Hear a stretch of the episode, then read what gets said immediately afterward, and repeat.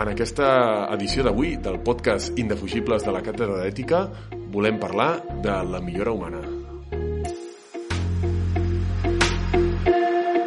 Indefugibles, el podcast de la Càtedra d'Ètica i Pensament Cristià de l'IQS, amb Xavier Casanovas i Oriol Quintana. Un podcast amb la col·laboració de Catalunya Religió.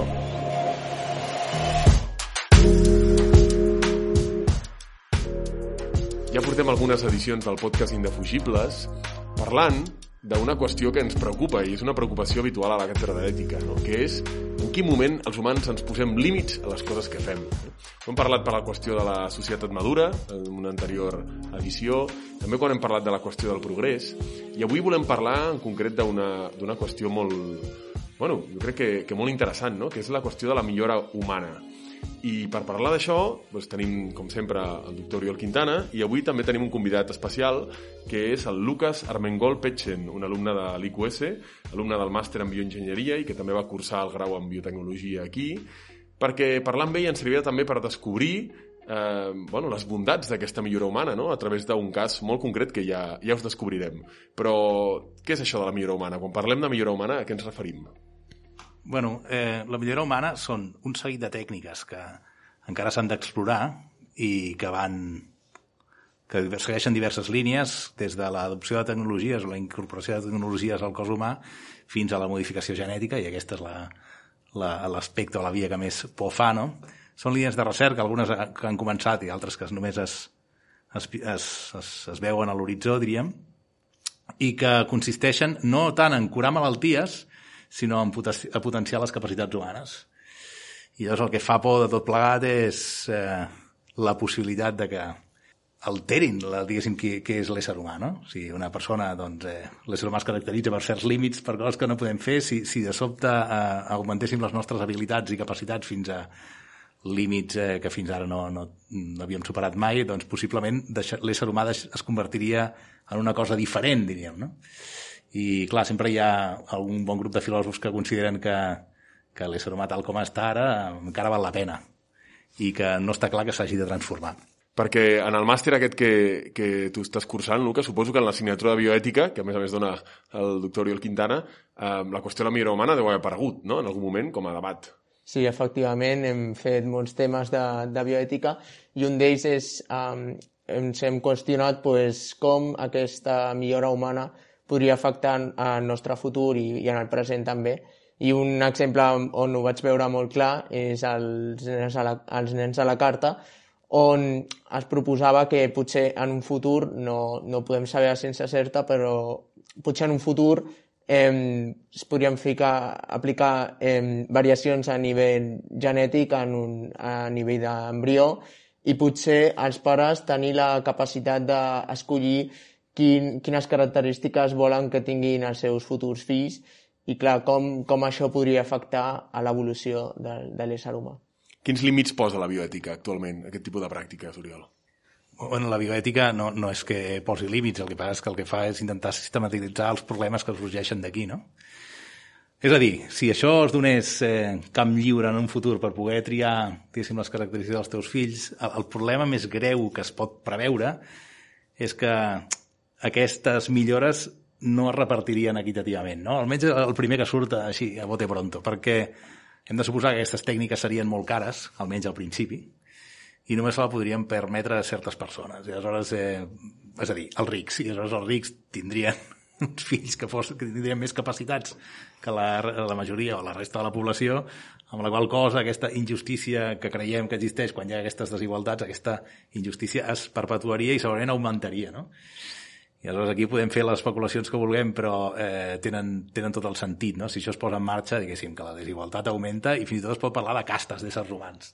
Uns éssers humans millorats, i d'altres que estan com marginats a, a, a, dintre la societat, que estan condemnats a fer feines subsidiàries o fins i tot que poden arribar a sobrar, diríem, no? perquè no, pot, no tenen les capacitats necessàries per, que tenen els altres. No? Però això que tu expliques, Oriol, més aviat com que sembla una mica ciència ficció i queda com molt llunyà, no? però avui en dia ja s'està donant casos concrets de millora humana en la nostra societat. Home, tan espectaculars com aquests no, perquè això sembla molt a gran escala i és una transformació universal no, de, de l'ésser humà. Però a petita escala es dona. O sigui, si tu penses en el dopatge, eh? que, que sabem que és real i que hi ha hagut cada escàndol, no? El dopatge simplement eh, consisteix en que els esportistes fan els procediments tecnològics necessaris per poder rendir més en el seu esport. I, i això s'ha extès moltíssim. No? I fins i tot alguns han proposat que el dopatge hauria de ser legal, perquè total, aleshores, o sigui, en un sentit més liberal, bueno, qui vulgui que es dopi. I llavors fem una competició de dopatges, no? O sigui que el Tour de França passaria a ser una carrera de ciclistes, sinó una carrera química, a veure qui pot millorar millor eh, millorar el seu dopatge més, no? Bueno, és una mica un canvi cultural, però té cert sentit fins a cert punt, no? Per tant, una cosa tan espectacular com això no, no hi ha. Mm? Fins i tot alguns, si em permets, eh, encara que m'enrotllo una mica més del compte, molts diuen que la medicina moderna és una forma de millora, que no és tan fàcil distingir entre restaurar la salut i millorar-nos com a, com a éssers humans. No?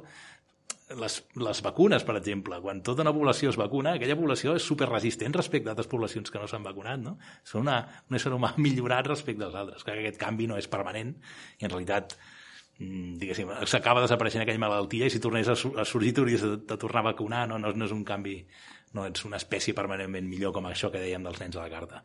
Però tot és una, una diferència més aviat de grau, no? I, i de seguir en aquesta, en aquesta tendència a operar-la.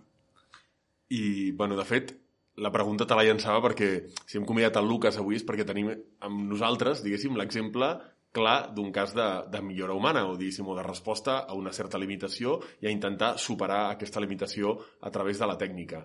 Uh, bueno, explica'ns una mica, Lucas, quin és el teu cas? Uh... Sí, bueno, eh, en el meu cas eh, vaig néixer amb sordera profunda eh, de forma bilateral, o sigui que m'ha fet a les dues oïdes i des del naixement. Llavors, eh, això va ocórrer perquè no tinc unes cèl·lules necessàries per captar el so, llavors no puc escoltar eh, sense cap tipus d'ajuda. Llavors, eh, la solució va ser una implantació de forma bilateral en, en la que utilitzo una, un dispositiu que s'introdueix dintre la meva còclea i amb uns electrodes eh, substituirien unes cèl·lules que, que em falten, llavors puc, puc sentir d'una altra forma, perquè no és exactament um, escoltar per ones i ampliació per, per conducte auditiu i, i com escolteu vosaltres, sinó que seria captar eh, a través d'un aparell el, el so i de forma elèctrica s'estimula el, el cervell amb una altra via. Llavors, eh, aquesta tecnologia és la que em permet comparat amb altres persones que no senten com jo, pues les que no tinguin aquesta possibilitat pues, es queden sense poder sentir. I jo amb aquesta altra possibilitat pues, de forma diferent sóc capaç de, de captar els sos. Per tant, pròpiament no, no tens sensacions auditives, tens una altra mena de sensacions quan, quan s'estimula... És correcte, és, és una mica difícil d'imaginar perquè sí potser ho explicaria molt millor una persona que, has, que ha escoltat abans de forma natural i que amb una enfermetat s'ha tornat eh, sorda i després s'ha implantat. Llavors, perquè eh, de forma molt curiosa, que jo tampoc ho sabia abans, és que una persona que s'implanta després no, es pensa que no escolta bé, perquè no escoltes de la mateixa manera quan escoltes de forma natural que amb un implant.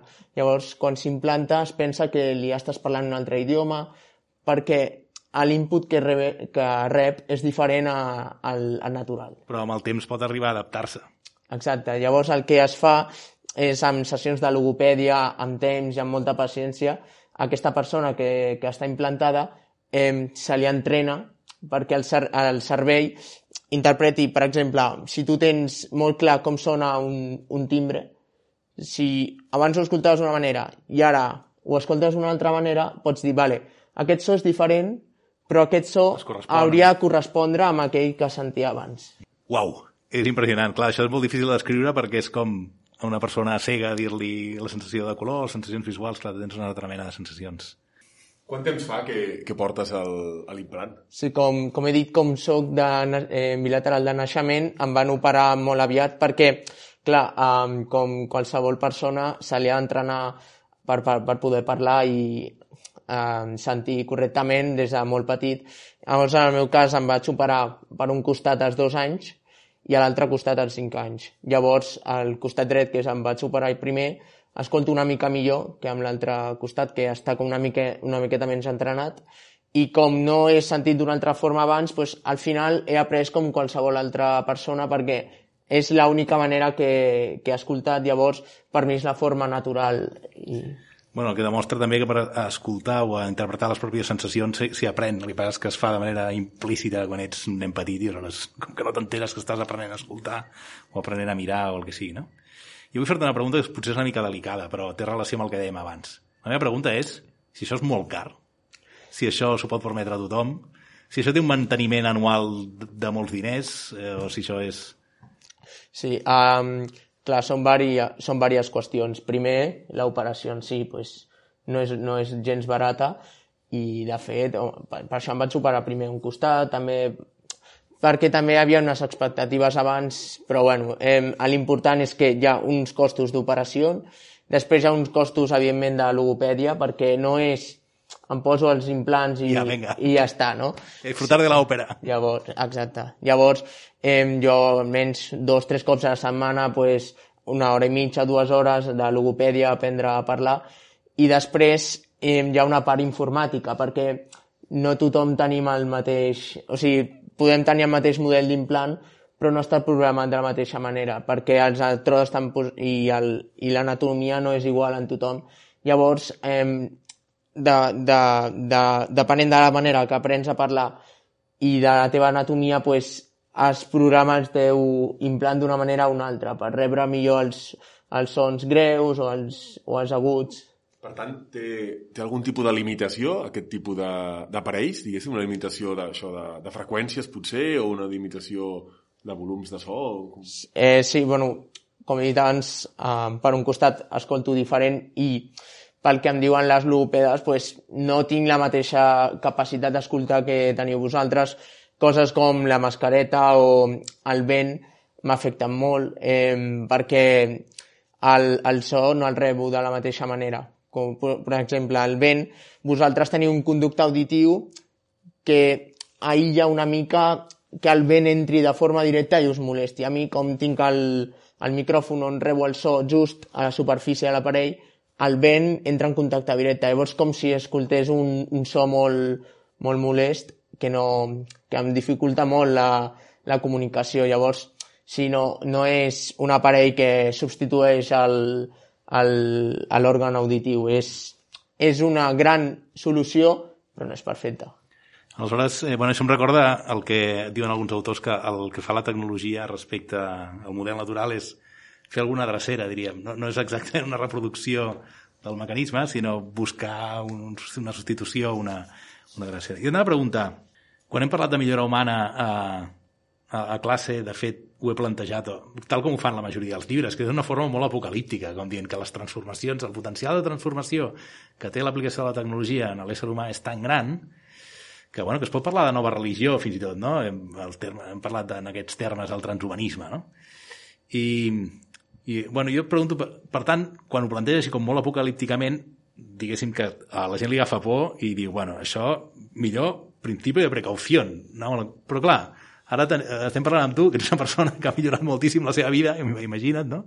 Gràcies a la tecnologia. Per tant, tu quan veus tot aquest possible desenvolupament de la millora humana, estàs a favor? Ho veus amb por? Ho veus amb esperança? Ho veus amb alegria? No, està clar que des de la meva posició pues, Eh, simplement, si no hagués tingut aquesta solució o tecnologia, és que no estaria ni, ni aquí. Eh, llavors, clar, la meva posició és de, evidentment, pues, estic a favor de, de poder utilitzar la tecnologia per, per poder utilitzar, bueno, per poder trobar aquestes solucions que al, fi, al cap i a la fi milloren la qualitat de la vida de persones que eh, per qüestió de mala sort o com vulguis dir, eh, no tenen les mateixes capacitats que, que la resta.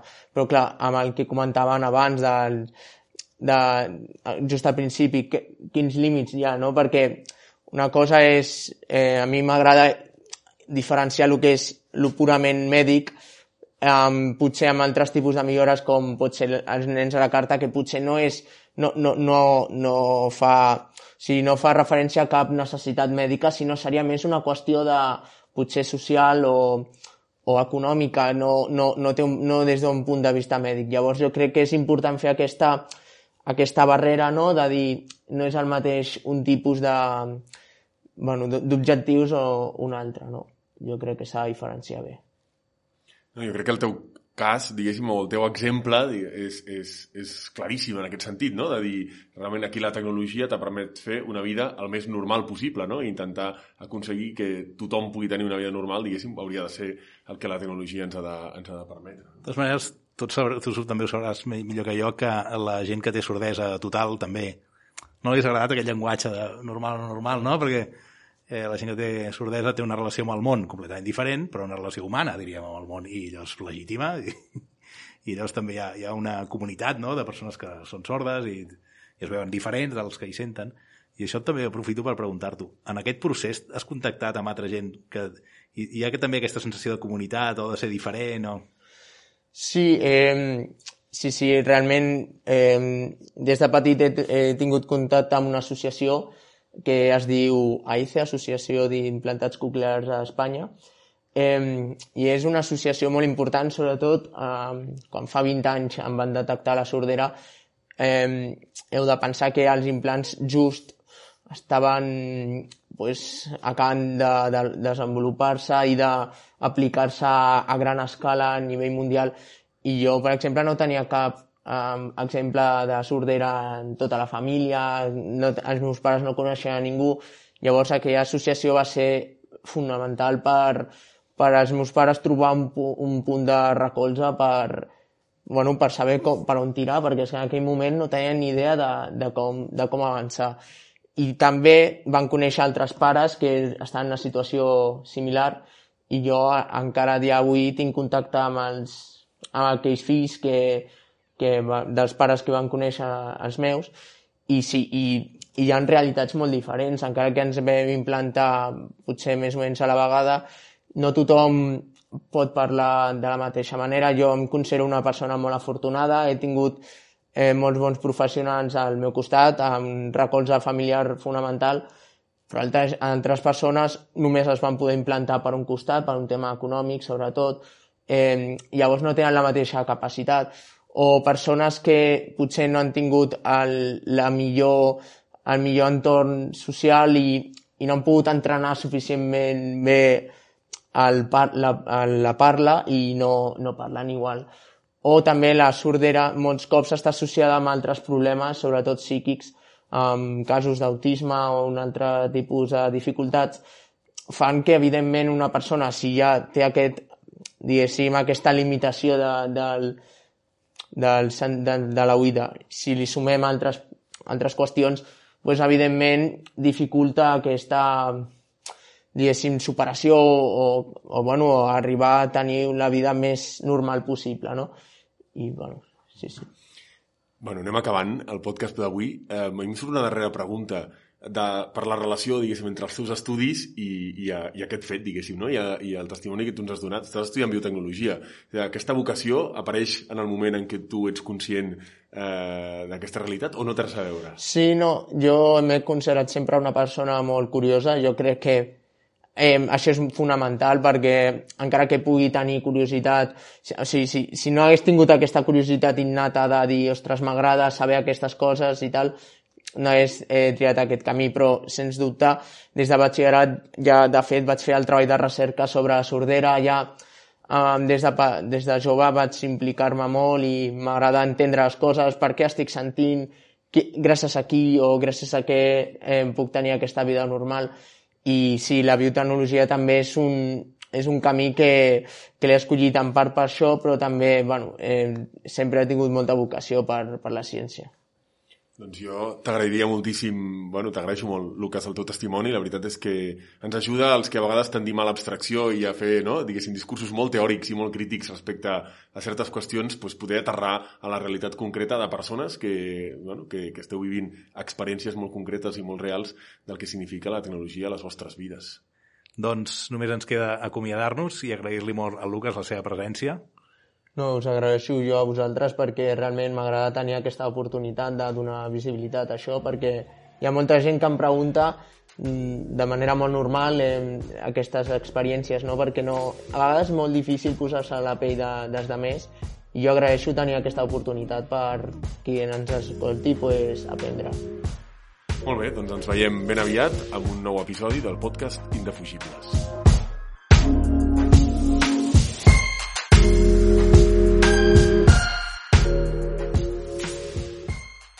Catalunya Religió